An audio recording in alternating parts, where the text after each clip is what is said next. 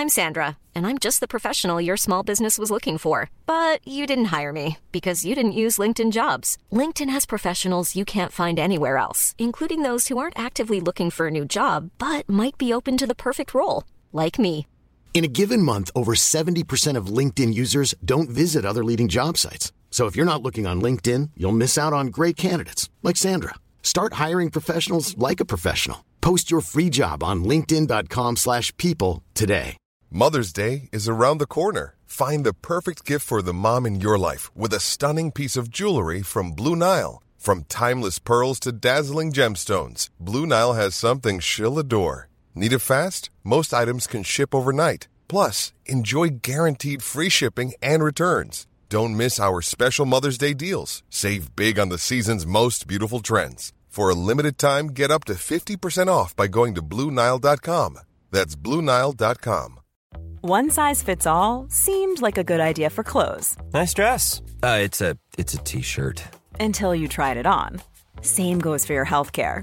That's why United Healthcare offers a variety of flexible, budget friendly coverage for medical, vision, dental, and more. So, whether you're between jobs, coming off a parent's plan, or even missed open enrollment, you can find the plan that fits you best. Find out more about United Healthcare coverage at uh1.com. That's uh1.com.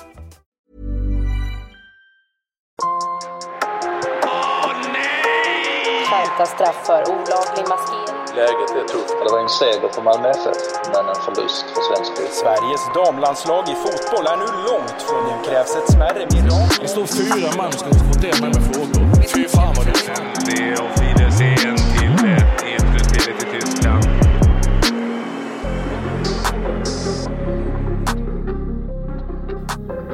Avsnitt 10 väntar av blågul framtid om krisen i svensk fotboll. Eh, ja, ni som inte har hängt med så finns det ju många avsnitt att lyssna på. Nio tidigare helt enkelt. Detta är det tionde där vi har gett oss an eh, agenter agenter. Det handlar ju om att det är jag och Erik Edman som brottas lite i ja, vad som är kris i, i svensk fotboll. Och Erik, förutom tre mästerskap och ett gäng titlar i Sverige och spel i Premier League och Frankrike så. Du har även brottats med agenter, eller hur? Och de spelar en roll i en spelarkarriär.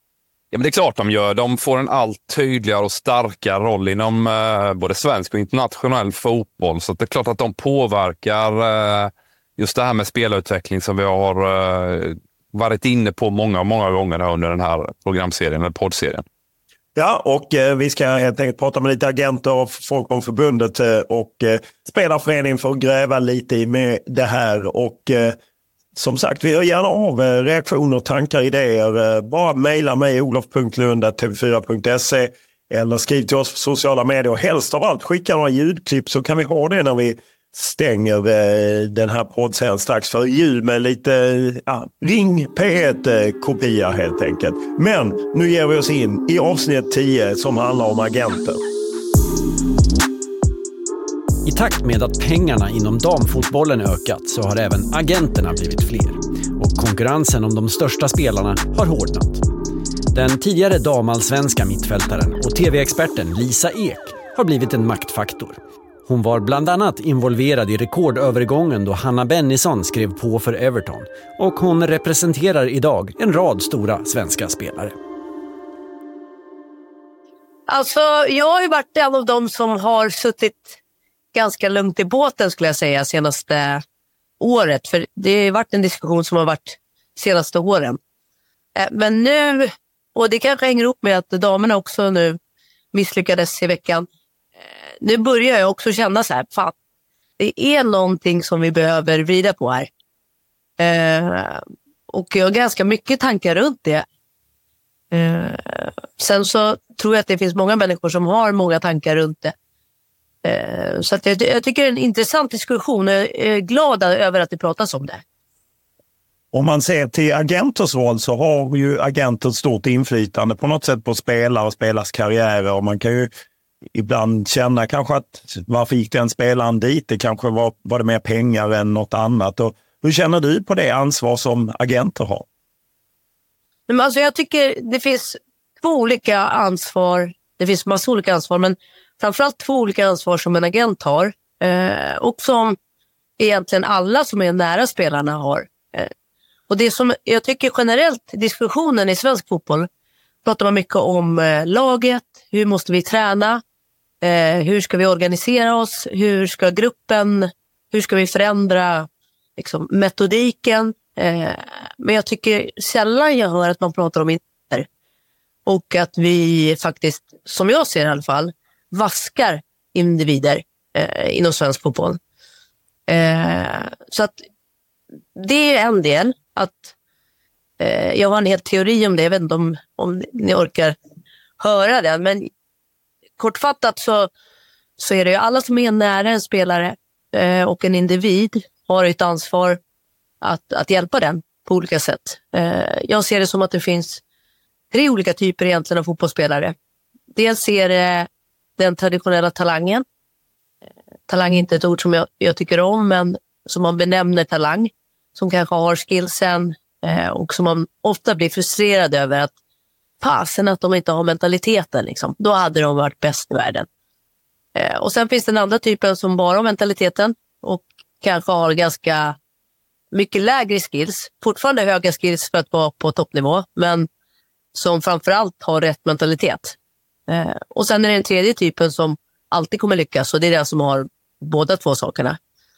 Eh, och den som har båda två sakerna, det är väldigt få spelare, kanske kommer upp en var 50 år.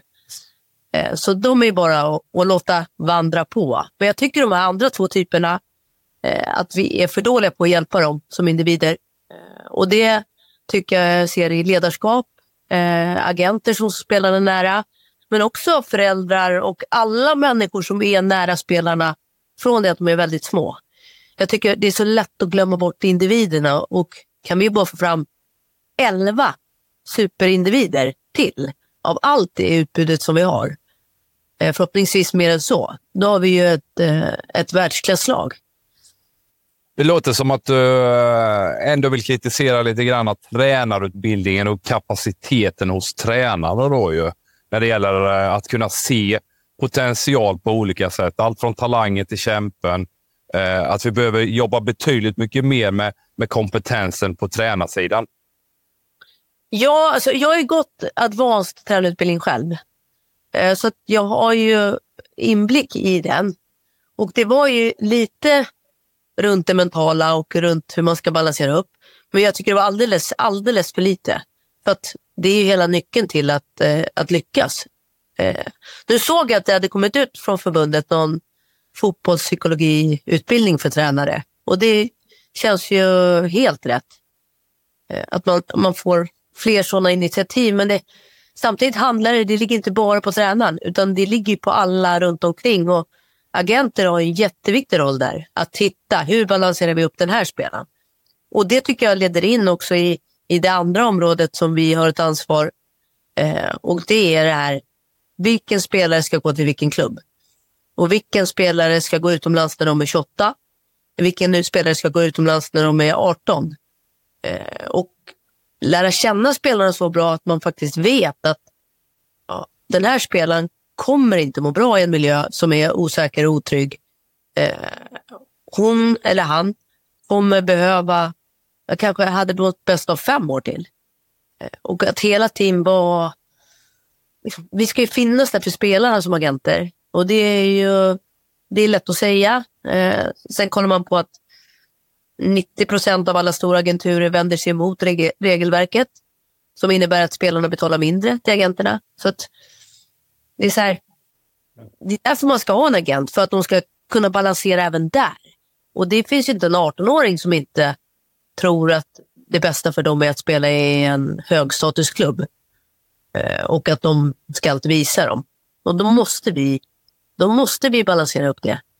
Du har en klient eh, som ju du hade i Madeleine Janogy som ju, hon har varit öppen med det. Att, jag menar, hon fick sitt genombrott i, i Piteå, VM, flyttade sen till Wolfsburg och det blev inte alls bra. Hur, vad har du lärt dig av det? Alltså, jag har ju pratat jättemycket med Madde om det här och jag eh, känner att hon, hon är alltid uppriktig mot mig. Eh, hon berättade inte det här ens för sin familj, att hon mådde dåligt. Eh, det, så det var ju någonting som hon bar med sig. Att hon inte sov på nätterna, det visste ingen om. Eh, så att, utan hon var ju expert på att hålla uppe någon slags fasad av att hon mådde bra.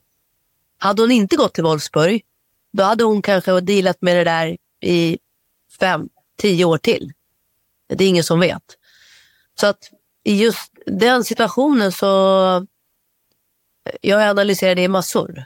Eh, men jag tror faktiskt inte att jag hade kunnat gjort någonting annorlunda där. Eh, sen vill man ju alltid att spelarna ska känna att de kan öppna upp. Och även om de kan öppna upp för sin familj eller sin syster eller sin pappa eller vad det nu är, så vill man ju vara den personen gärna som de öppnar upp för. Eh, men jag har full respekt för att, eh, att man har grejer som man inte är mogen för att, att släppa till någon annan. Hur lätt är det att tacka nej till pengar? För man kan ju säga så att även om damspelare idag inte tjänar alls som eh, herrspelare så är det ju ändå en stor skillnad om man kanske flyttar till Barcelona eller Chelsea eller Bayern München jämfört med att spela i allsvenskan. För även där finns ju liksom en, en lockelse av pengar och status och så kanske man känner som agent att det är kanske inte rätt för dig. Hur lätt är det för dig att säga till en spelare att nej, vi väntar? Ja, men, eh, det, det här kommer att låta sjukt och folk tror säkert inte det här om man jobbar med herrfotboll. Men det är nästan tvärtom. Alltså, vi sitter med 30-åringar som tackar nej till femdubbla pengar i en bra liga, topp fem-liga i världen, för att de känner att det inte känns rätt och att de är oroliga för att det inte ska vara perfekt miljö. Eh, och, och då är jag helt, helt ärlig. Eh, så då får man nästan säga så här, okej, okay, du är 30 nu, du kanske spelar tre år till. Eh, hade det inte varit härligt att ha de pengarna och lägga undan så kan du gå, om du tycker om din hund väldigt mycket, så kan du gå ett år bara gå promenader med hunden utan att behöva tänka på att du ska dra in pengar. Eh, och då blir de lite så här, ja, för det är fortfarande den generationen nu som, som spelar är fortfarande så inpräntade i det här att man spelar för att se hur bra man kan bli. Eh, och speciellt de som är lite äldre. När det gäller de yngre spelarna så, ja, jag tror inte, det, det är få som, eh, som går för pengarna. Och, och de yngre är också medvetna om att, att spela en klubb där de mår bra och har det bra och utvecklas, det är en investering. Och det kommer ge dem mer pengar, försöker vi förklara på, eh, på sikt. Så att de yngre spelarna de ser att det är en investering i dem själva. De äldre spelarna är fortfarande den generationen som, som nästan tycker att det är lite fult med pengar. Om man säger här sidan på agentområdet så är det en våldsam konkurrens. Eh, det har eh, åtminstone varit över 100 förmedlare innan de införde de här nya reglerna. Det var många som inte klarade testet. Hur är det på damsidan? Hur är konkurrensen där? Nej, men nu börjar det bli hård konkurrens. Vi, vi började för tio år sedan och då var, tror jag medellönen var 8 000 i, i damallsvenskan och våra spelare tjänade ett par tusen i månaden. Eh, och vi fick då 10 procent av det. Så att det blir ju inte jättemycket. Eh, men gjorde det för att vi ville driva damfotbollen framåt.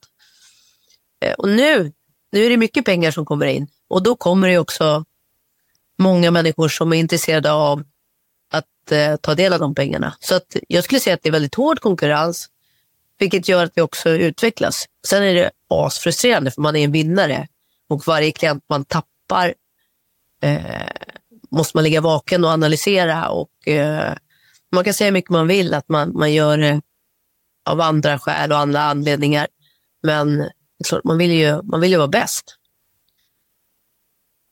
Hur stort behov hos eh, damklubbarna generellt, både i Sverige och internationellt, finns det av, eh, av hjälp med scouting? Där, där ni kanske har en roll mer som scouting och eh, förmedlare av eh, information snarare än att ni är delaktiga i affären?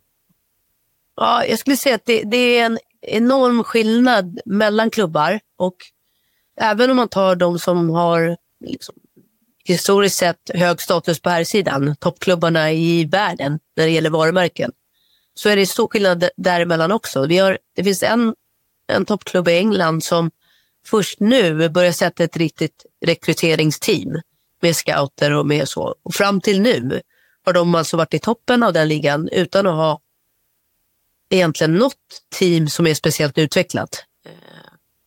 Och har frågat oss mycket om, om hjälp och råd när det gäller spelare eh, och i vissa fall också löner och eh, utköpssummor. Eh, så att det, det, det är en enorm skillnad. Sen är det ett gap som krymper och det finns, jag skulle säga nästan att fram till nu i alla fall så har de, de bästa klubbarna i Sverige de har varit bättre nästan än utomlands. För de har inte råd att göra fel. Så att de lägger oerhört mycket tid på att se att det är rätt spelare, att det är rätt eh, personlighet. Eh, de kan liksom inte satsa pengar på en spelare som inte passar perfekt in. Om man lyssnar runt, eh, jag pratade med Robert Vilar, som sa att han hade jobbat i Eke med att skriva längre kontrakt. Man pratar med Therese Sjögran, hon pratar om att Rosengård måste jobba så att ta fram spelare och sälja. Vilket tryck är det på era agenter från klubbarnas sida att, att se till att det blir en affär här? För vi måste få betalt för spelare X och Y och vi behöver in de pengarna. Ja, det är klart det är tryck och samtidigt måste det ju vara... Det kan ju inte vara orimligt så att, att spelaren tjänar väldigt lite pengar under tre år och sen ska man ändå vilja sälja den för jättemycket pengar. Utan eh, det är mer att det, det hjälper oss att, att dra upp lönerna. Eh, sen så är det ju positivt att det kommer in pengar i, i svensk fotboll. Så att det är ju en förutsättning för att vi ska få fram fler bra spelare. Så att det, det tycker vi är positivt att det är rulle och indirekt om man pratar specifikt om damfotbollen så innebär det ju faktiskt att, att de stora herrklubbarna eh, utanför Norden trycker in pengar i damfotbollen för att köpa loss spelare. Så att det är ju pengar som går in i damfotbollen. Eh, så att det, det är positivt också, eh, tycker vi. Om vi, om vi ser på att eh, du säger att du ligger sömnlös när du tappar spelare. Är det då spelare som upplever att ah, men ni får inte iväg mig eller jag får inte tillräckligt bra avtal, därför byter jag. Alltså, driver spelare i den då yngre generationen, eh, driver de på den utvecklingen och trycket genom att de vill att det ska hända saker? Ja, alltså nu, så var det kanske tidigare för fem år sedan, att det var den känslan. Nu har vi ett enormt kontaktnät och vi har ju tack vare att vi har haft bra spelare i, i alla klubbar egentligen, i alla länder, så det är inga problem längre och det tror jag inte att vi har inte tappat någon spelare på grund av det, utan det är att det kommer in en ny typ av agenter. Eh, jag tror att de har haft svårt att se att vi som kan vara de här som stöttar dem, håller dem i handen, hjälper dem, är ännu bättre kanske på att hjälpa dem i nästa fas när de ska in sponsorer och, och samarbetspartners. Så det blir så här, okej, okay, nu har jag gått igenom det här, nu får jag mitt genombrott. Nu behöver jag ha sponsorer. Ja, perfekt. Eh, du går in i nästa fas. Då hjälper vi dig med det. Eh, men ibland så kan det vara lite svårt att koppla och det är ju det är för oss att lära oss kommunicera bättre vad vi faktiskt är bra på. Hur, hur, viktigt är det ändå med spelarens utveckling att, eh, att när man väljer en klubb, att eh, någon som ska lämna allsvenskan, man är klar med det, men liksom när man väljer klubb och hur, man, hur, hur följer ni upp det helt enkelt? Att, att du spelar si och så och det går bra eller det går dåligt, du behöver slipa på det här. Ja, men det är ju allt att det, att det blir rätt match. Och det, är ju, det man försöker göra är att, som, att lägga som ett pussel med så många bitar som möjligt. Så att det inte blir beroende utav en pusselbit. Som det ganska lätt blir. Att, ja, men hon gick dit för att hon älskar tränaren. Och så fick hon eller han kicken efter tre dagar. Då är det ju skitjobbigt om det inte finns fler pusselbitar som är rätt för den spelaren. Eh, så det är ju det är framför allt att se till att det är så många pusselbitar som möjligt som passar. Eh, en annan grej är tålamod. Och det, vi brukar tänka så att vi har aldrig haft någon spelare som säger att men jag stannade sex månader för länge i den klubben jag var i. Eh, om, om man har en spelare som vill till nästa steg för att hon är bäst där hon är just nu. Utan tvärtom, att ja, nu har jag verkligen, nu vet jag att nu kan jag det här, nu tar jag nästa steg och jag kan inte vara kvar här längre för att eh, jag känner att jag, jag måste ta nästa steg. Så att, ja, sen hur vi utvärderar det, det är ju det gäller också att förbereda spelarna för att om man ska ta ett nästa steg så innebär ju det att man tar ett nästa steg. Eh, och tar man ett för litet steg, då kanske inte ens är någon mening att ta ett steg. Och tar man ett för stort steg, ja då får man inte spela en minut. Men det kommer alltid vara första tre månaderna där det kommer vara svårt att få speltid, troligtvis. Eh, om man ska ta ett, ett, ett bra steg. Så att det är också att göra spelarna medvetna om vad de kan förvänta sig. Eh, vissa länder har ju nästan som kutym att, att man spelar inte spelare första två månaderna.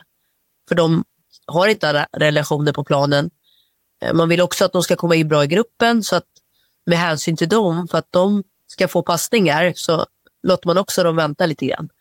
Eh, och så länge spelaren är medveten om det så är det ju inga problem. Men om man inte är medveten om det och kommer in och så blir det en besvikelse och, och sen börjar sätta sig på självförtroendet, då är det mycket enklare att hamna i något, något negativt. Liksom.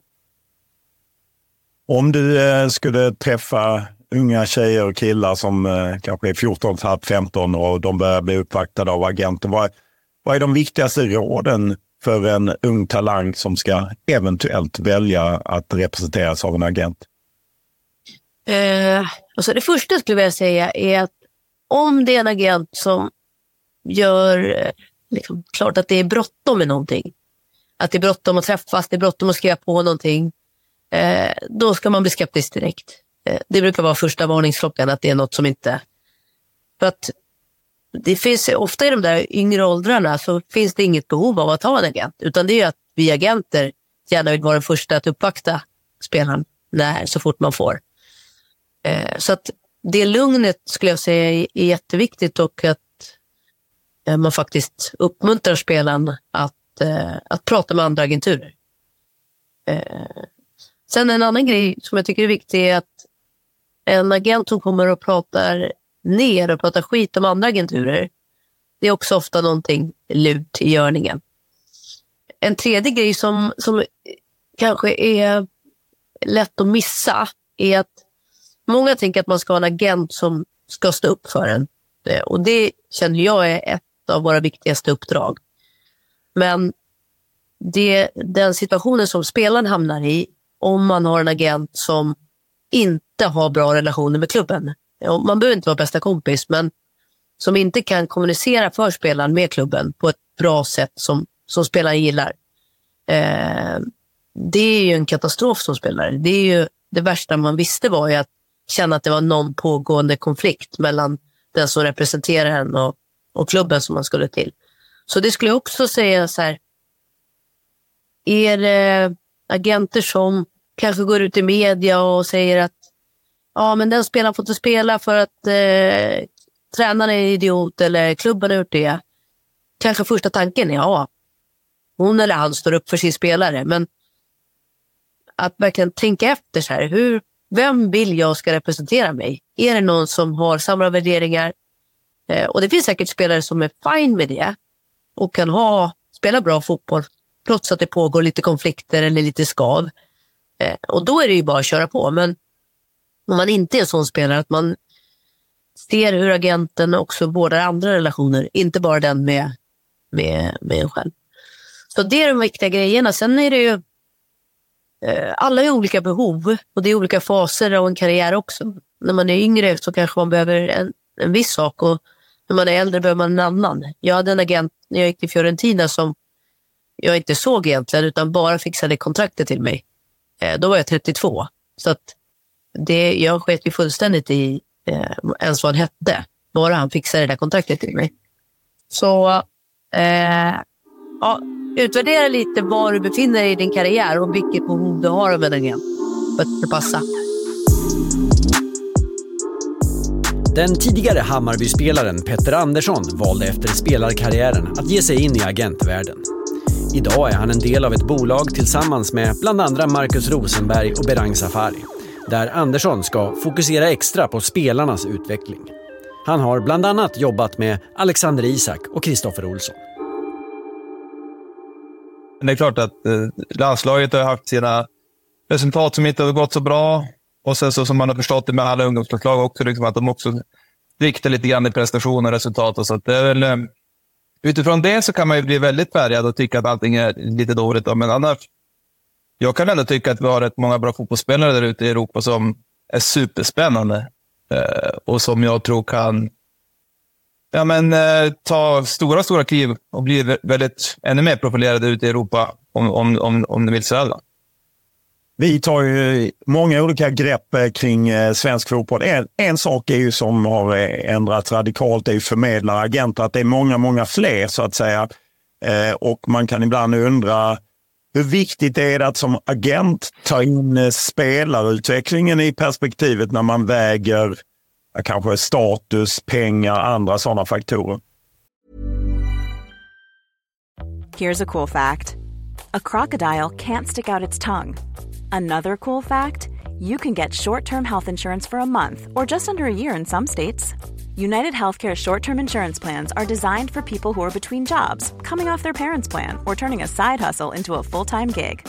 Underwritten by Golden Rule Insurance Company, they offer flexible, budget friendly coverage with access to a nationwide network of doctors and hospitals. Get more cool facts about United Healthcare short term plans at uh1.com. There's never been a faster or easier way to start your weight loss journey than with PlushCare PlushCare accepts most insurance plans and gives you online access to board-certified physicians who can prescribe FDA-approved weight loss medications like Wigovi and Zepbound for those who qualify. Take charge of your health and speak with a board-certified physician about a weight loss plan that's right for you. Get started today at plushcare.com slash weight loss. That's plushcare.com slash weight loss. plushcare.com slash weight loss. A lot can happen in the next three years. Like a chatbot may be your new best friend – but what won't change? Needing health insurance. United Healthcare Tri Term Medical Plans are available for these changing times. Underwritten by Golden Rule Insurance Company, they offer budget friendly, flexible coverage for people who are in between jobs or missed open enrollment. The plans last nearly three years in some states, with access to a nationwide network of doctors and hospitals. So, for whatever tomorrow brings, United Healthcare Tri Term Medical Plans may be for you. Learn more at uh1.com. Nej, men det är alltså, jag som individ och, och liksom det bolaget jag driver så är det en viktig faktor. Då. Men sen så är det väl också kopplat till att det kanske var att det är en, en bristvara hos klubbarna. Men alltså jag tycker att utveckling alltid ska vara prio. Det är någonstans genom utveckling att spelarna blir bättre och växer både som spelare och människor som, som de sportsliga resultaten också sen kommer. De. Så att det, är ju, det är som en enkel metodik kan jag tycka. Upplever du en, en stressad miljö runt uh, ja, hela fotbollsindustrin? Att spelarna driver på det för att få till att ni behöver få saker att hända. Annars byter de spelare, eller byter de agent och tenderar att liksom byta stall. Ja, nej, men så kan det väl absolut vara. Alltså spelarna är, är ju...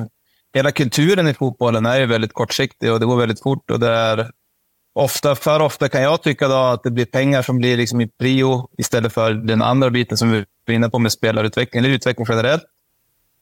Eh, men sen så är det väl upp till varje agentur sen att och liksom sälja in sin produkt och liksom vad är man står för som, som bolag. Hur är det vi jobbar och få med rätt typ av spelare med på den banan. Då, då, då, då kommer inte det här att hända på samma sätt. Då.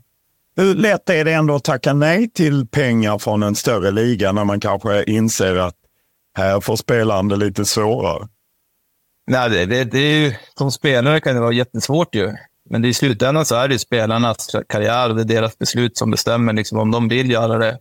Sen kan man som agentur ha argument som är för eller emot. Men i slutändan så måste man låta spelaren själv ta det beslutet och göra det valet. Och så får man stötta då utifrån det man kan när den väl hamnar där. Då, ifall det blir att den inte får spela till exempel. Men så det är svårt. För jag vara spelare själv och, det är klart, det, det, är ju komplexa beslut man ska ta som kan ha ganska stor konsekvens på ens fortsatta karriär. Och det finns inget facit. Så som det, det, där så är det mer bara att man får, man får göra den, det grundarbetet som behövs göras utifrån liksom vilken klubb är man kommer till. Hur spelar de? Hur, väl, hur ser liksom kulturen ut där? Socialt. Och så fånga upp så många olika områden som möjligt för att om det ska bli sannolikheten ska bli så bra som möjligt att man får fortsätta spela fotboll. Eh, när ni, när ni kommer till eh, nära ett beslut för en spelare att komma till en ny klubb, vilka saker väger ni in och tycker ni att spelaren bör ta i beaktning för att ta beslutet eller inte ta beslutet, så att säga? Nej, men framförallt om det finns, alltså hur stort intresset är. Alltså så här, är det en, en seriös scouting bakom intresset? Eller är det mer att man kanske ser en ekonomi i själva affären? Vilket ju fallet kan vara många gånger, kanske när spelare är gratis och så vidare. Att det är lätt att man kan få en, en spelare billigt och så kan man se en ekonomi, men det behöver inte innebära att spelaren spelar fotboll där. Så just scoutingbiten, att man får träffa beslutsfattande, alltså beslutsfattande personer med sportchefer och tränare och liksom få höra deras syn på just den spelaren. Uh, och så, och så sen så liga och liksom hur, den, hur den ser ut jämfört liksom till sin spelstil själv. Så det är liksom drömscenariot. Sen så ser det inte alltid ut så. Det är svårt. Det är en hård konkurrens i fotbollsvärlden för spelare. Det är för många fotbollsspelare på att säga, men det är otroligt mycket fotbollsduktiga fotbollsspelare. Och det, det är sällan du sitter och liksom kan välja mellan tre, fyra, fem klubbar. Uh, så att, det, är, det är väldigt komplext. Då. Det, så är det ju. Men man, man får göra det bästa man kan och så får man framför allt alltså, hitta en väg som man tror på och, och analysera varje, varje, varje beslut man sedan tar för att liksom, på något sätt längs, längre fram i, på resan liksom, ha en, en klarare bild omkring vad man letar efter. Upplever att den säljande klubben ofta trycker på för att få in pengar så att säga idag kontra fem, tio år sedan? Nu kanske inte du jobbade aktivt med det för fem, tio år sedan, men, men, men jag upplever ju mycket mer idag att de svenska klubbarna är, så otroligt sugna på att sälja spelare också för att få ruljans i ekonomin. Ja, nej, men det har man ju hört om. Alltså, vi är rätt nya in i det här. Framförallt eh, med SSA har man ju hängt med. Så man har hört mycket och man har mycket insyn och mycket kunskap om, om branschen i stort och liksom hur klubbarnas affärsmodeller funkar och liksom att de, de är mer, mer och mer beroende av att de måste sälja ett visst antal spelare varje fönster för att liksom ekonomin och budgeten ska gå upp. Då. Uh, och det är klart, sånt kan ju påverka en, en klubbs vilja att kanske få iväg en spelare ett visst fönster. Så det, det, det, men det är inte så att vi känner att, att det har varit så, att det är sådana påtryckningar. Det har, det har inte vi upplevt, upplevt själva. En del spelare som jag har intervjuat genom åren pratar ofta just om det ett tryck att bli utlandsproffs och det kanske inte kommer från klubben utan kanske det ryktas mycket. Det är någon som är, är talangfull. Det skrivs mycket spelarens kompisar pratar, alla liksom bara förväntar sig att det ska bli en flytt. Eh, hur, hur kan man liksom hantera det som rådgivare till en spelare? Nej, men det är väl någonstans, alltså det viktigaste, liksom, att, att, att man, det är i fotbollen så är det otroligt mycket röster. Och, och så spelar man väldigt utsatt, framförallt idag. Det var lite mindre när jag spelade just med sociala medier och, och, och dess inflytande det har på, på människor generellt men också då specifikt fotbollsspelare. Eh, att skapa det här lugnet och ha den här planen och, och, och liksom utbilda dem till att förstå att oavsett, alltså att man, att man måste, man må, det måste finnas någon typ av struktur. Det får liksom slumpmässigt får man liksom inte bara ta beslut, tycker jag då, tycker vi. Utan att man har en väldigt tydlig plan med varje enskild spelare, att man lär känna dem som personer det är oftast liksom den mänskliga biten som sedan avgör hur, hur, hur, bra det kommer gå på nästa ställe. Hur väl kan man liksom hantera en flytt till, en, till ett annat land, ett annat, ett annat språk och kultur till exempel. Men, det, men även där, det, det är väldigt svårt. Och det, I slutändan så är det spelarna som är eh, ansvariga för allt, för sin egen resa.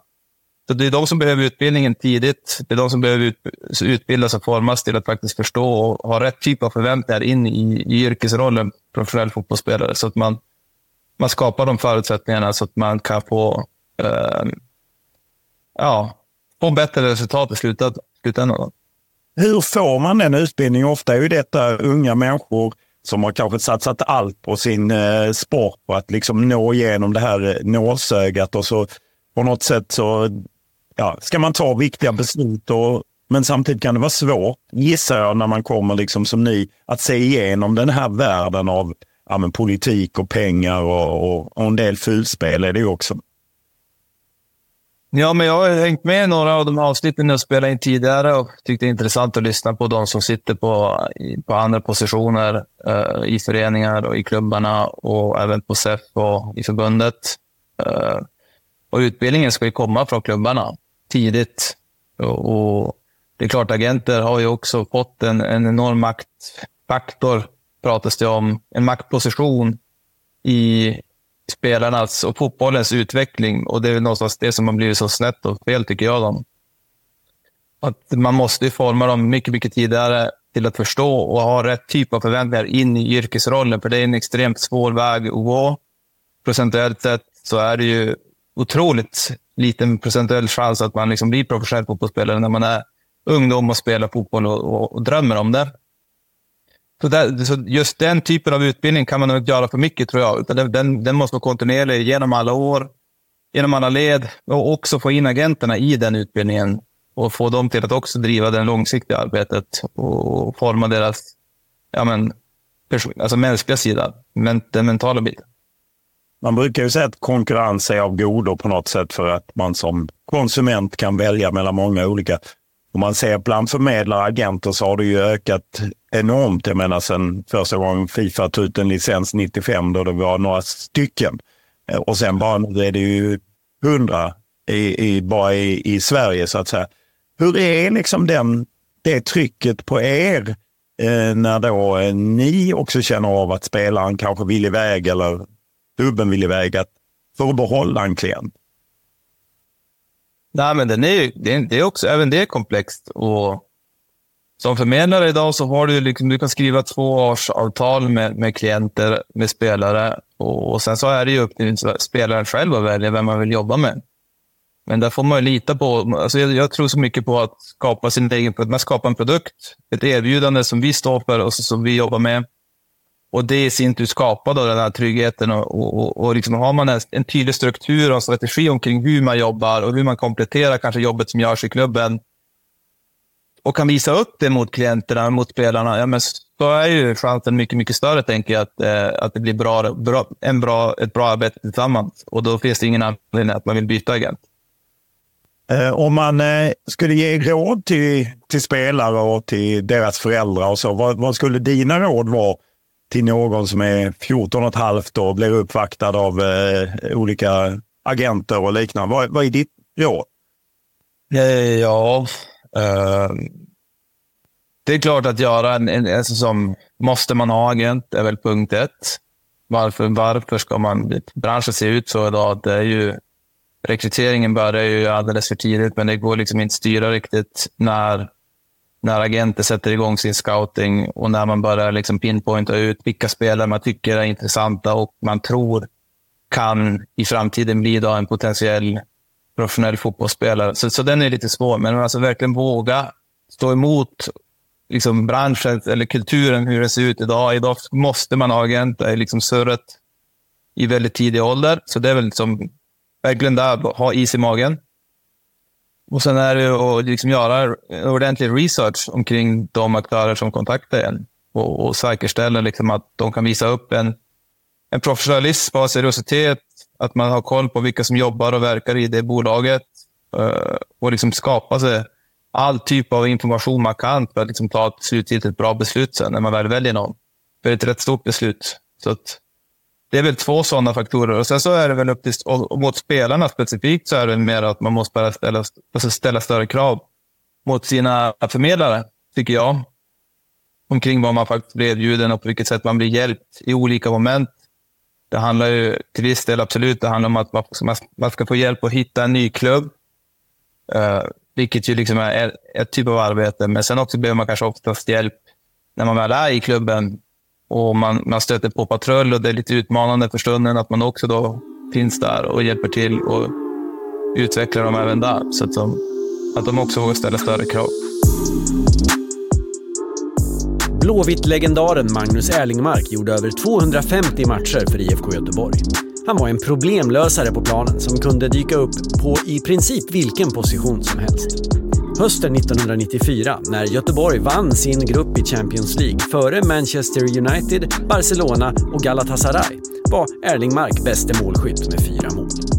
Numera är han generalsekreterare för Spelarföreningen, vars uppgift är att stå på just spelarnas sida.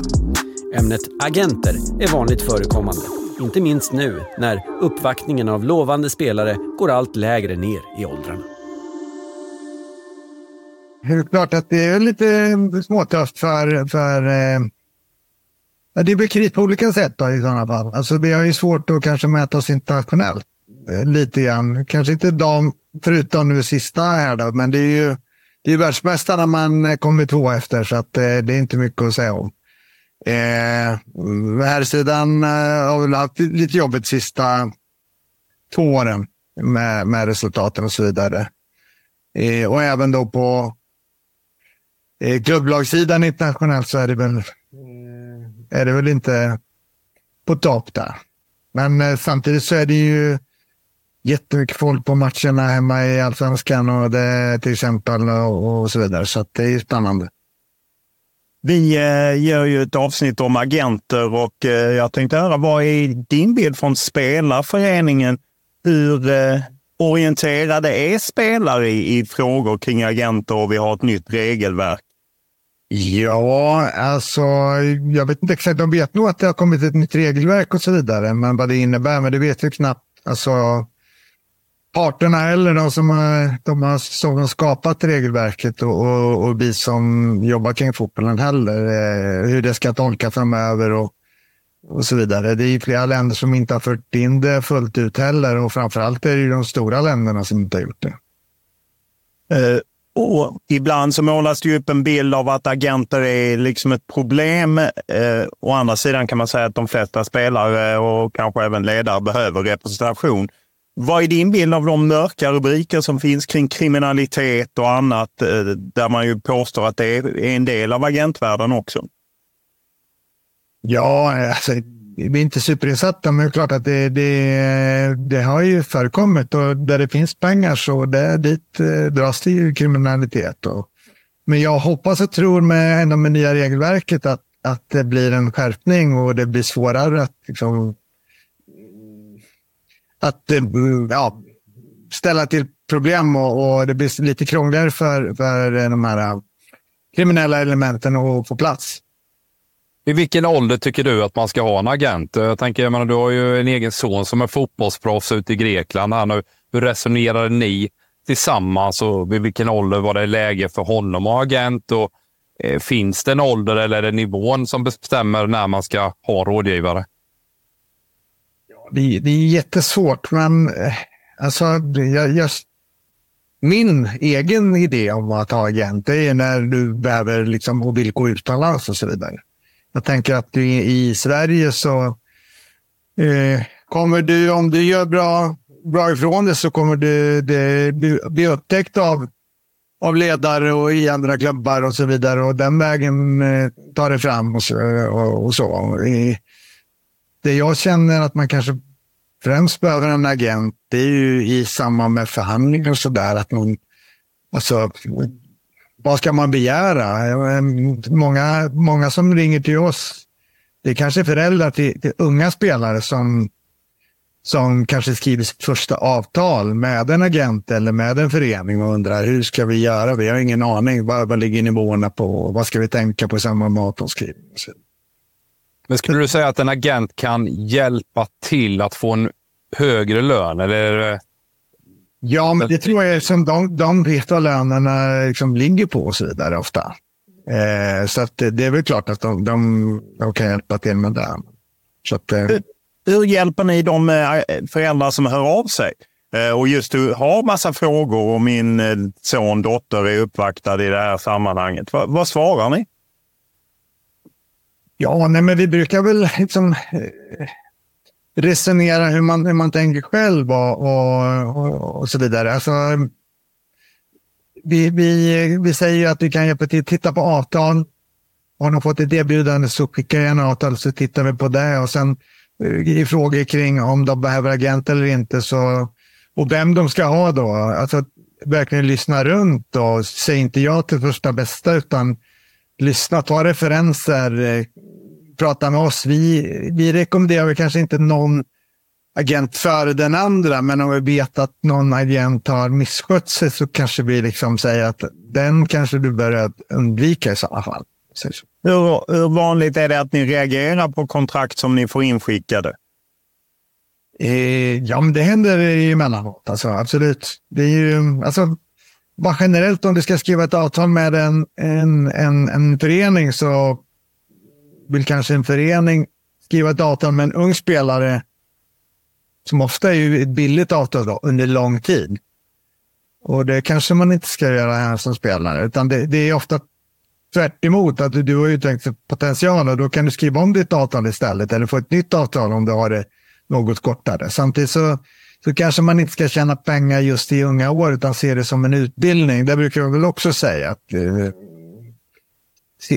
du, du, får en utbildning betald där. Och sen, men sen, sen kan vi väl säga att när man väl blir eh, har gått ut gymnasiet till exempel om man blir A, ja, ska tillhöra A-truppen och så vidare i en, i en förening i allsvenskan, superettan till exempel och, och även kanske damallsvenskan. Så ska du ju ändå, om du tränar dagtid, ska du kunna få en lön som du kan leva på. Alternativet är ju då, vi säger att det är, det är helt okej att betala en låg lön, men då, då får ni se till att spelarna kan finansiera sitt liv och tjäna pengar på annat sätt. I sådana fall. Hur vanligt är det att eh, ni får in avtal från agenter som inte är vad de borde vara och vad, vad brukade ni reagera på? Ja, alltså nu är det ju det har ju varit mallar för hur man måste skriva sina avtal. Så att, det är ju i sådana fall om inte de följer de mallarna, men det, det gör de väl ofta, för de måste ju skicka in så fort de har skrivit ett avtal med en agent så måste agenten skicka in det här avtalet till förbundet. Och är det felaktigheter i det så kommer förmodligen de att anmärka på det i sådana fall. Om man ser till att eh, en spelare, en ung spelare, så är ju kanske utveckling det viktigaste. Du pratar själv om att man ska se det som en utbildning. Att, att det bästa är ju liksom att man ska komma till en förening eller klubb där man får möjlighet att utvecklas. Ibland får man ju bilden av att agenter driver och placerar spelare. Hur, vad är din bild av det? Att, att agenter kan hämma spelares utveckling för att man själv vill göra en bra affär? Ja, alltså jag kan inte säga att jag har någon speciell åsikt om det eller tanke eller erfarenhet av det, men däremot så finns det en, en, risk att det blir så att man, eftersom man, ja, man kanske får bättre betalt på ett annat ställe och, och då kanske man, som inte är bäst, eller som kanske inte är bäst för spelarnas utveckling, eh, är man en långsiktig agent och vill jobba länge med det här, då väljer man det det valet som, som man tror ger bäst fotbollsmässig utveckling. För då ger det också så småningom också bäst ekonomisk utveckling. Så att säga. Vi vet ju att Svenska Fotbollförbundet bedriver viss utbildnings eh, satsning eh, gentemot spelare. Och så. Hur gör ni för att utbilda era medlemmar i spelarföreningen eh, om liksom faror och nyheter och annat i det här, på det här området?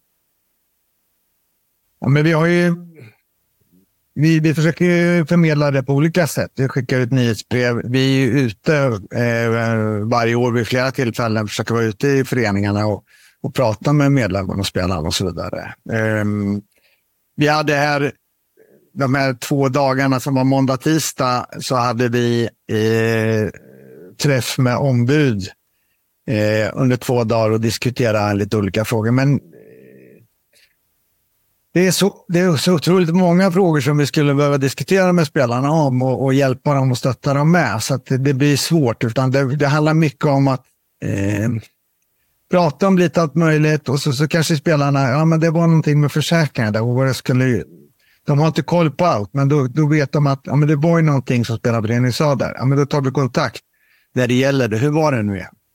Så att åtminstone kan liksom vara lite på tårna där. Men sen är det ju Alltså, vi känner ju att det är vår uppgift på något sätt att, att försöka skydda spelarna så mycket som möjligt. Att få in, få in sådana här olika skydd i kollektivavtal till exempel. Så att det, det blir en trygg arbetsmiljö. Liksom.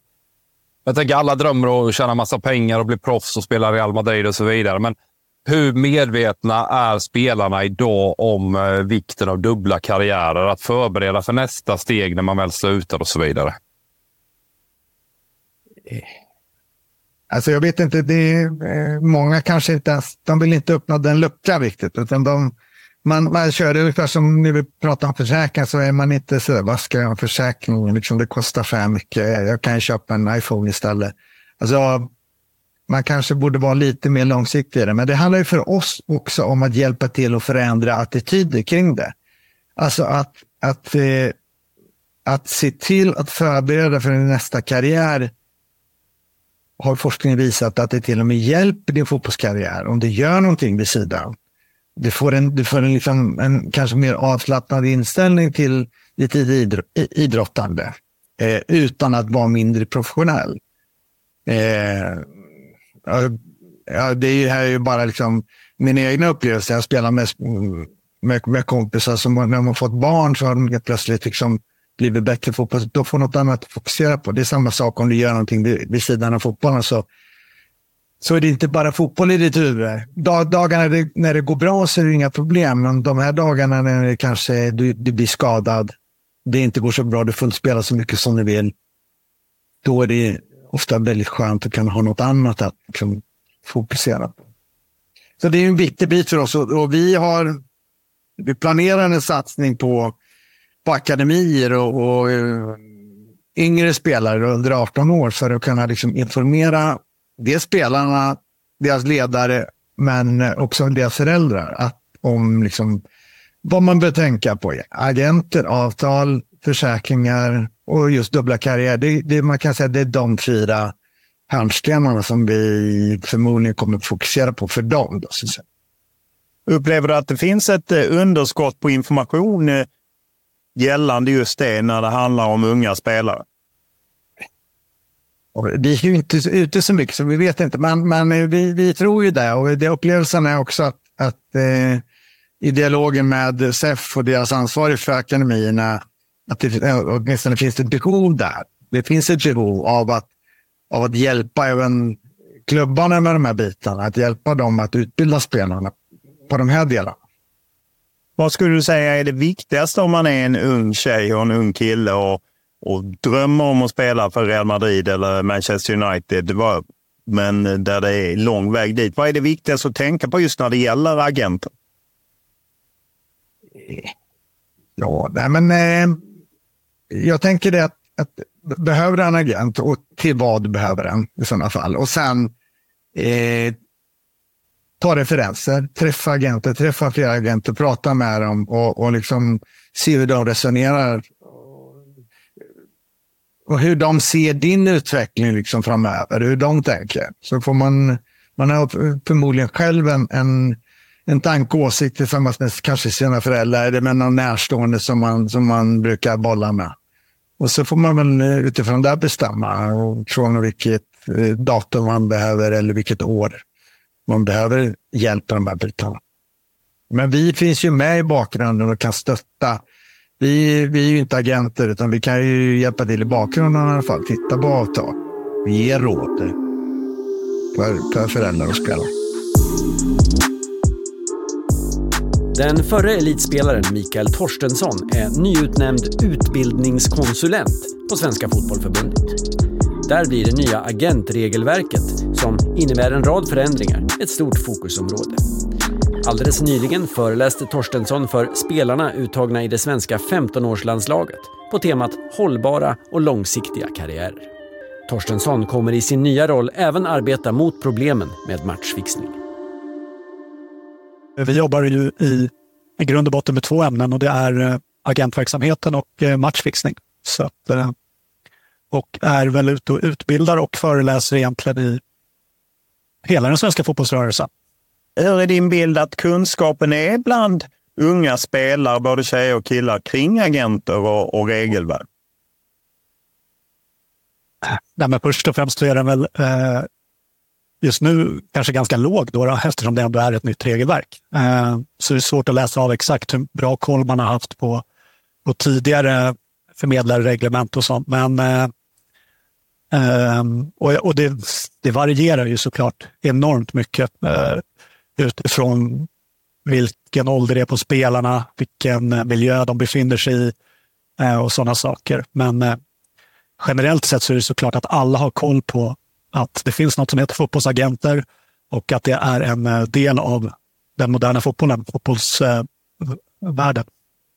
Jag satt och kollade på Fotbollskanalen här igår och ser det här inslaget om Zlatans grabb som är född 08 och de har ett läger och man ser agenterna sitter på rad. Vad är åldersgränsen för eh, spelare att signa på för eh, rådgivare? Ja, bra att du nämner det. Jag var ute på det landslagslägret och föreläste för övrigt om agenter för eh, den årskullen i måndags. Eh, och du har helt rätt, det var lite fler människor där än normalt sett. Eh, det nya regelverket så säger Fifa att man eh, får skaffa en agent sex månader innan dess att man får skriva sitt första professionella avtal utifrån de nationella reglerna. Så då blir det följaktligen 14 och ett halvt år i Sverige då, eftersom man får skriva sitt första professionella avtal från 15 år. Hur ofta hör ni av föräldrar eller andra att eh, agenter eh, approcherar eh, spelare även innan de fyllt 14 år och, och 6 månader? Kanske inte så ofta på det sättet att man hör av sig specifikt och säger att nu har den här personen hört av sig till just oss.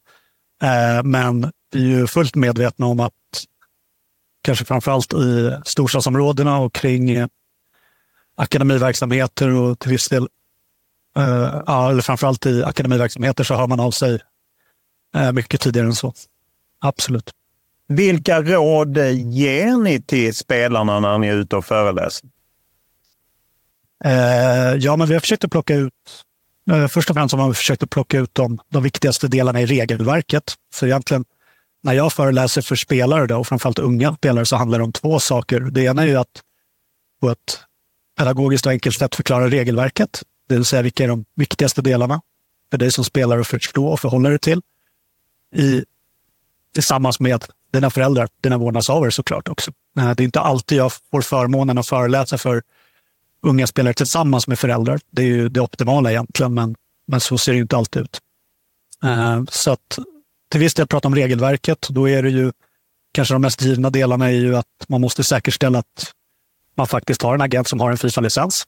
Uh, det, det kanske är en av de viktigaste delarna. Uh, prata mycket om det här med intressekonflikter och att spelarna liksom förstår att man ska välja en agent som faktiskt representerar dem. Och om de representerar fler parter, då, vilket man får göra till viss del, så ska man i alla fall veta om det. Eh, det är väldigt viktigt. Pratar om eh, vikten av eh, skriftliga avtal. Att man skriver ner och kommer överens. Mm. Och att man som spelare också förstår att i slutändan är det ju faktiskt man själv som ska betala för en tjänst man köper. Lite som i övriga livet så att säga. Om du köper någonting eller köper en tjänst så, så ska man ändå förstå att man, man måste nog betala för den. Så det är väl regelverket. Jag tänker där på med kostnader, Mikael. Hade det inte varit bättre att kostnader för förmedlingar, förmedling och förmedlingsavgifter eller vad man ska hade legat direkt hos spelaren? Eh, det är så grundregeln är. Eh, Fifa är väldigt tydliga med att i varje part ska betala sin del. Men sen har man då, som i alla regelverk, undantag. Eh, och där finns det då ett undantag att den köpande klubben får betala eh, spelarens agent eh, arvode. Men det är just precis en sån sak som vi försöker berätta att de får göra det, men de, inte, de har inte som krav att göra det. Så det kan ju finnas föreningar som kanske säger att vet du vad, vi vill ha dig som spelare, men vi vill inte betala din agent. Och det är tillbaka till det då ändå att spelaren förstår att de i slutändan är ansvariga eh, för att betala sin del, sin part, så att säga. Det man eh, tar del av är ju att eh, det ofta förekommer gåvor. Eh, allt från pengar, klockor, väskor och annat. Vad gäller för någon som kommer hem till ens familj och kanske vill ge gåvor till en som spelar eller till ens föräldrar? Att det inte är tillåtet. Utan det står ju uttryckligen i regelverket att eh, det inte går, ja, man får inte göra så helt enkelt åt något håll för den delen. Det är inte så att en spelare heller får försöka få en agent att representera sig genom att ge gåvor. Så det där gäller åt båda håll. Inga gåvor, utan arvodet gäller utifrån det avtal man förhandlar fram och de här äh, procentsatserna som ni vet om att agentkollektivet inte är helt nöjda med. Men det, det är det som gäller. Så att, äh, och det är vi väl jättetydliga med. Framförallt eftersom vi vet att det sker och att det är en, liksom en, en viss snackis liksom, att råda framförallt unga spelare att bara tacka nej direkt och sen såklart vända sig till vuxna om man behöver. Och, och ja, så, att är, eh, så att man har rapporterat det. Liksom. Du är ju då föreläsare för ett gäng 15-åringar. Vad ska man göra för att nå de som egentligen åtminstone i praktiken ska bestämma över dem, det vill säga deras vårdnadshavare? För det är på något sätt de man också måste nå med den här kunskapen, eller hur?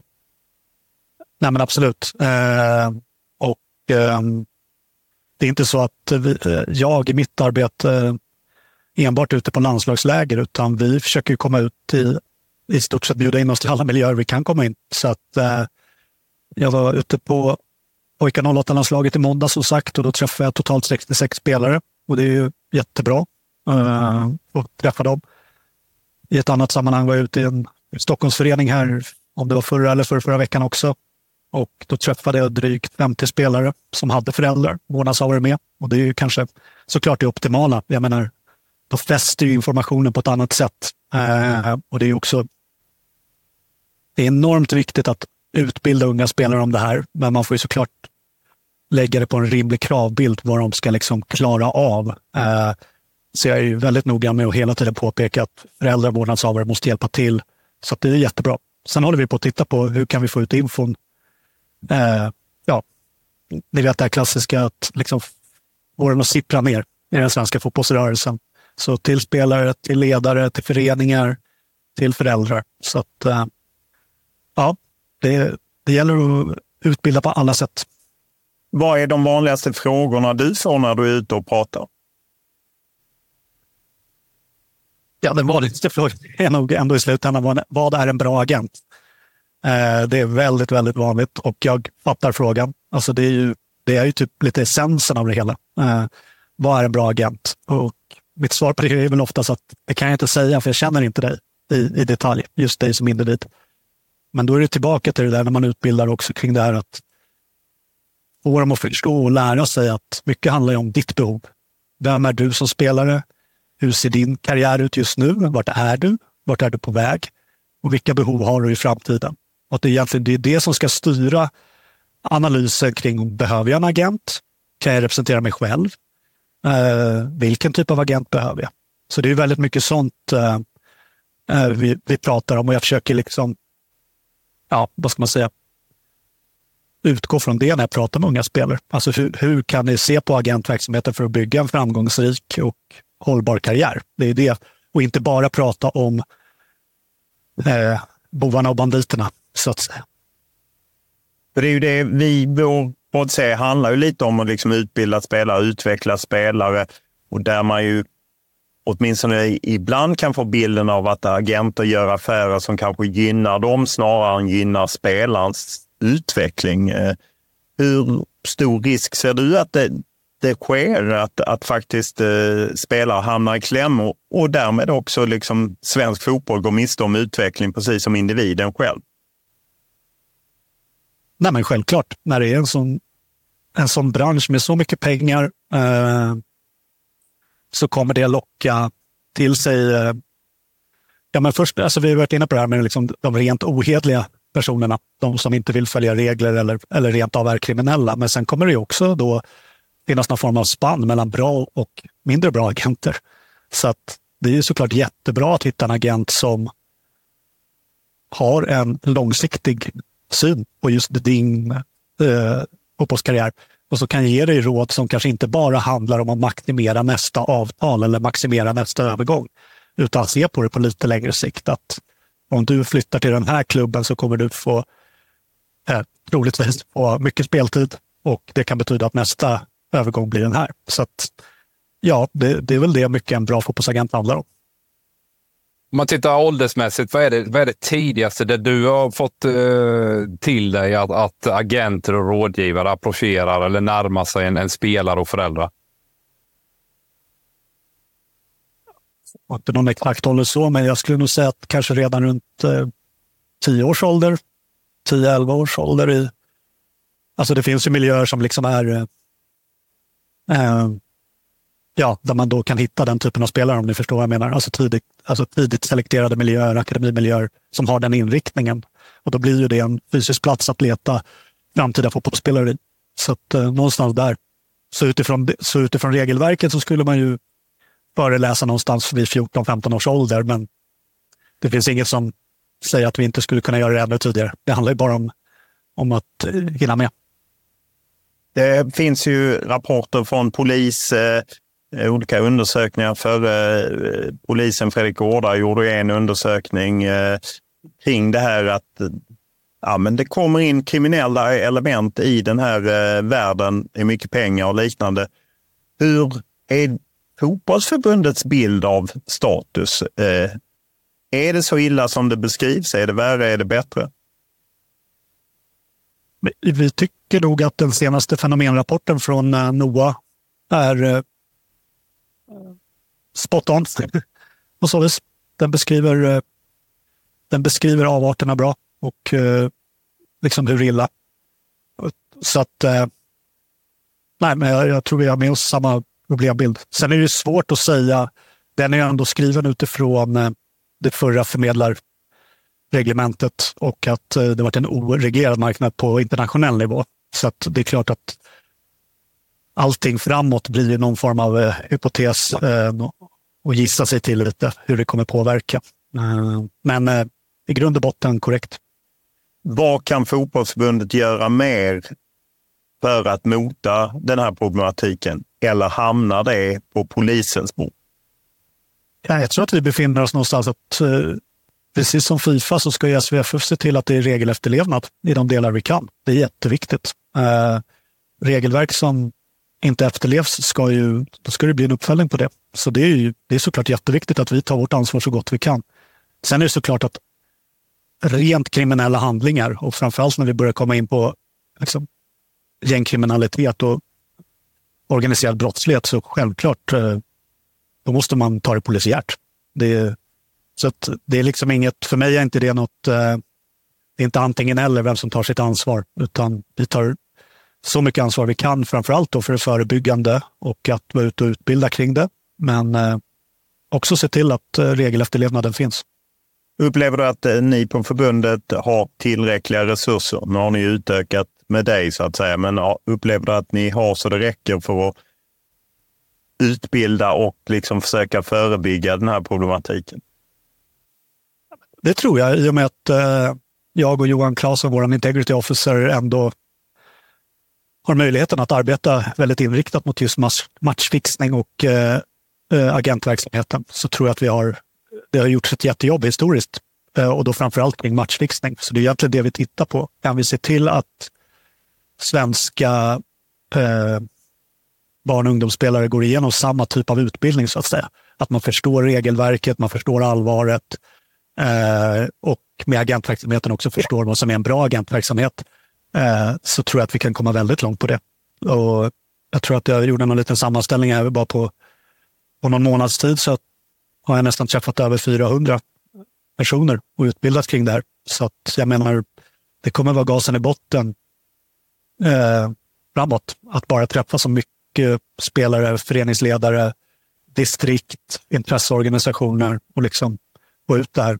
Eh, och också försöka hjälpa dem hur man med verktyg hur man eh, bedriver den här verksamheten på ett bra sätt. För det, det, är, det är mycket det det leder till. Liksom. Har du hopp om att det här nya regelverket från Fifa som kom 1 oktober som börjar fasas in, även om det finns motstånd eh, bland agenter på vissa marknader och så. Men har du hopp om att det kommer göra att fotbollsmarknaden blir mindre vilda västern? Ja, det har jag absolut förhoppningar om. Men vi är inte naiva och tror att man laddar upp det här regeldokumentet på webben och så hoppas man att alla läser och följer det. Utan det är ju verkligen tillbaka till det att vi måste jobba med att få ut det i hela fotbollsrörelsen. Eh, och vi måste jobba med regelefterlevnaden och påpeka hur viktigt det är. För jag menar, i slutändan är det ju eh, spelaren som väljer agent och eh, föreningar, och, och alltså sportchefer och den typen av funktioner som jobbar med det här dagligen som som måste se till att regelefterlevnaden fungerar i, i sina klubbar. Det är, ju, det är jätteviktigt.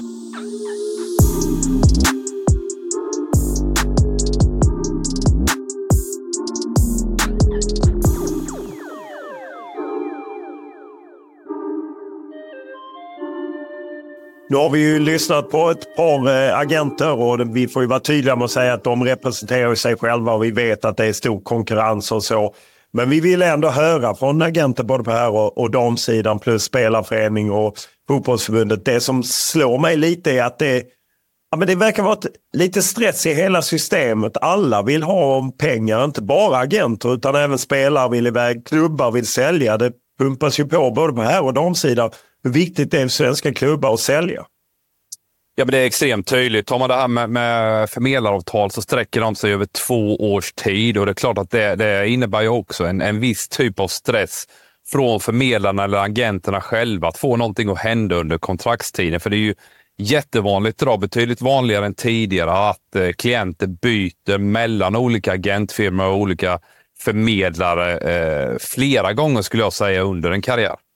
Ja, och det är ju en stor skillnad och eh, man inser ju också att det som kanske inte var så vanligt förr i tiden heller är ju att det är, man värvar en spelare för att man ser att nu ska den spelaren vara här ett par år. Sen ska vi skeppa vidare. Du, du hade ju ett kort gästspel i, i Landskrona Boys ett knappt år som sportchef. Du har även inblick via Hittarp. Så, men visst är det en viktig faktor och, och vid avsnitt tre pratar vi ju med projekt 500 representanter om det här om att sälja att vi måste bli bättre på att sälja, då behöver man ju agenter. Ja, men definitivt. Eh, det är klart att, att eh, första anblicken utifrån, Olof, är ju att man, när man läser på Fotbollskanalen hur mycket kostar en agent per år för svensk fotboll så är det hiskeliga summor. Det är över 100 miljoner. Men, men i de här intervjuerna vi har haft nu i avsnittet så är det också tydligt att de bidrar med mycket saker och tittar man på herrsidan så, så finns det ju en scouting-sida som är eftersatt skulle jag säga. Det är många som är duktiga, många som håller på och bygger upp en scouting-sida. Men eh, förmedlare bidrar ju även med, med, med scouting till klubbarna, eh, så det är ju en sida dessutom. Och framförallt att, att hjälpa spelarna i olika karriärsval. Det är ju det huvudsyftet med att ha en, en förmedlare överhuvudtaget. Och där är det klart att det är inte bara agenternas fel, utan det är ju som du säger att klubbarna brottas ju med att bibehålla och försöka växa som förening och då behöver du större resurser och mer pengar och det är klart att det blir allt mer viktigt för föreningar att sälja spelare kontinuerligt för att hålla liksom, hjulen snurrande. Ja, och för på något sätt också lite, det blir ju lätt att ett sånt här avsnitt handlar ju liksom om ja, men agentens ansvar för eh, spelarutveckling och liknande. Man ska ju säga att även om det är vanligt att säga att de eh, agenter tar pengar från, eh, liksom från systemet. Jag menar, finns inte en aktör, Fifa-agent, Uefa-agent, fotbollsförbundet-agent, SEF-agent. De betalar 100 miljoner kronor till Rune Hauge för att förhandla det senaste medieavtalet. Så det blir ju lite, ja, på något sätt när far super. Alltså, man måste ju, alla behöver agenter. Däremot tycker jag det är intressant att höra genomgående från både agenterna men även spelarförening och, och från fotbollsförbund. Ja, men att ta sig tid när man ska bli rapporterad av en agent. Att försöka träffa många. Att försöka ställa sig frågan, behöver jag en agent eller är det status? Och, alltså den typen av frågor. Jag fattar att det är jättesvårt och, och därför måste man ju få in föräldrar för även de har ett ansvar. Och sen ligger ju för mig mest ansvar egentligen på föreningen men och föreningen medlem fotbollsförbundet. Det är ju bra att förbundet och spelarföreningen gör sådana saker och informerar, eller hur? Ja, och det behövs bli ännu bättre och ännu, komma ut ännu tidigare till framförallt eh, vårdnadshavare i det här fallet. Att, att de får en insikt och, och förklaring och, och, kunskap om hur, hur eh, hela systemet är uppbyggt. Och när behöver man ha agent? Jag har väl varit inne på det tidigare kring, kring det här med specialisering och, och, och att det blir tidig elitsatsning.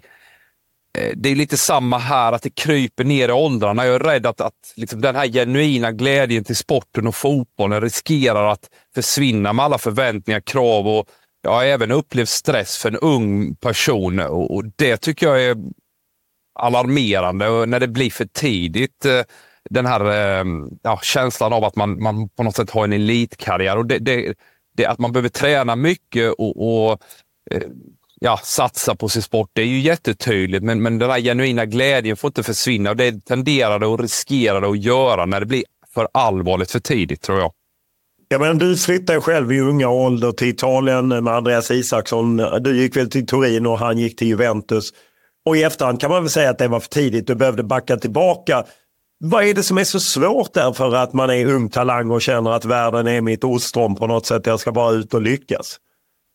Ja, men framförallt är det att ha en omvärldsanalys eh, och, och liksom hur, hur kan man ta in, okay, hur bra är jag i jämförelse med det som finns där ute? Och det är klart det är enormt svårt och Ehm, jag tycker Petter är inne på det flera gånger också. att Det är någonstans i slutändan spelaren som bestämmer. Så även om då rådgivare som säger det ena eller det andra, så det är också svårt för den. För att med den här stressen som finns också, så talar man om sanningen. Det kanske man också är rädd för. Att tala om sanningen för en spelare, för då riskerar man att tappa honom. För då blir han sur för att inte han upplever att man tror tillräckligt på den också. Tar jag mig själv som exempel så är det ju jättetydligt att jag skulle absolut inte gått till Torino och Serie A, som på den tiden var, var Premier League idag. Jag skulle stanna till HIF ytterligare något år, fått den här eh, erfarenheten på hemmaplan i en lite tryggare miljö och, och sen kunnat ta det här steget ut sen när, när jag var betydligt mer redo för det. Och det, det är som sagt, när man är 19-20 som jag var i den åldern, där, det är svårt att, att sortera rätt och där behöver man hjälp. Och där fyller faktiskt agenten en viktig funktion, även om det är klart att de här 100 miljonerna som jag snackar om, de tycker man ju på utsidan att fan, kan vi inte bygga fler konstgräsplaner och inomhushallar? Vi pratar ju om infrastrukturproblem och så vidare, men de fyller en funktion i, i den typen av arbete också. Ja, man önskar ju att de eh, vågar ta de här ärliga samtalen, även för jag fattar att risken finns att då går spelaren till, till någon annan som säger att ja, men det är klart att du, du ska ut, att, att det är ju svårt. Och jag tror att, eh, att den tillvaron du upplevde som 19-20-årig talang, jag tror att det är ännu värre idag med sociala medier, med tryck liksom utifrån. Man följer att liksom fotbollen blir mycket mer av identitetsmarkör och man följer hur ens idoler eller de man ser upp till flyger privatplan i Louis Vuitton-dräkter och allt vad det är. Det är så mycket av det runt om fotbollen som man ju inte såg för 20-25 år sedan på samma sätt. Vilket jag tror också pressar spelare att kanske inte fattar beslut som är bäst för deras fotboll. Nej, jag håller helt med dig. Det, det, det är ett otroligt problem med den brus och, och stressen som skapar eh, alla de här förväntningarna. Du, du pratar om sociala medier och så vidare. Det, det, det, det är ju otroligt svårt för en ung person att kunna sortera rätt och sluta jämföra sig med alla andra. Och det är klart att när man jämför sig så jämför man sig alltid med de som är lite högre upp i pyramiden än, än, än en själv. Och det är naturligt, för det är också någonting som driver en framåt. Men, men försöka liksom fokusera på här och nu, nästa träning, nästa match. Det är någonstans det som tar dig till nästa nivå. Inte att sitta och jämföra sig med vad alla andra sysslar med och inte gör också. Eh, och fascinerande är på något sätt att eh, det är inte bara i fotbollsvärld pengar är viktiga. Det är ju hela samhället i stort. Jag menar hela världen har ju blivit så. och Sverige har ju verkligen förändrats. Att man prioriterar pengar är någon slags eh, signal att man, man har lyckats. Och, och det är ju lite oroande tycker jag när man hör om det nya regelverket som eh, trädde i kraft första oktober. Att det är osäkerhet. Vissa länder håller emot. Jag tycker det var jag garvade när jag hör Lisa Ek prata om att ja, vi agenter ska ju vara värd, vi ska ju värna om spelarna. Samtidigt går 90 procent av agentfirmorna emot att man ska begränsa hur mycket vi tjänar av spelarna. Då kan man ju undra liksom, hur, hur mycket är det? Bryr man sig om spelarna eller bryr man sig om sig själv? Och det tror jag det är väldigt varierande också. Jag tror det finns många otroligt seriösa aktörer, men det är klart att Eh, både Erlingmark och Torstensson är inne på det också. Där det finns mycket pengar samlas eh, personer eh, som, som vill ta del av de här pengarna. Det är klart det är otroligt svårt. Du är inne på det också, där att en agent bidrar till en att affär blir gjord. Och det är klart att vissa gånger behöver man kanske kompromissa med etiska eh, värderingar på olika sätt kan man väl säga i, i samband med affärer som, som, som, som på något sätt möjliggör affären i sig. Ja, vi får eh, se om eh, det blir någon styrsel på detta. Klart är att agenter har en påverkan även på svenska fotbollsspelare och deras utveckling. Eh, och eh, det är avsnitt 10 ni precis lyssnat på. Ni är tidiga om ni har missat de andra. Eh, många intressanta gäster och avsnitt. Kom in med era reaktioner till oss via sociala medier till mig och Erik. Vi finns båda på X och Twitter eller olof.lunda.tv4.se. Gärna ett ljudklipp så tar vi upp det. Eh, kul att många är engagerade, för det är vi också, eller hur Erik? Ja, men det är klart. Eh, väldigt spännande poddserie det här.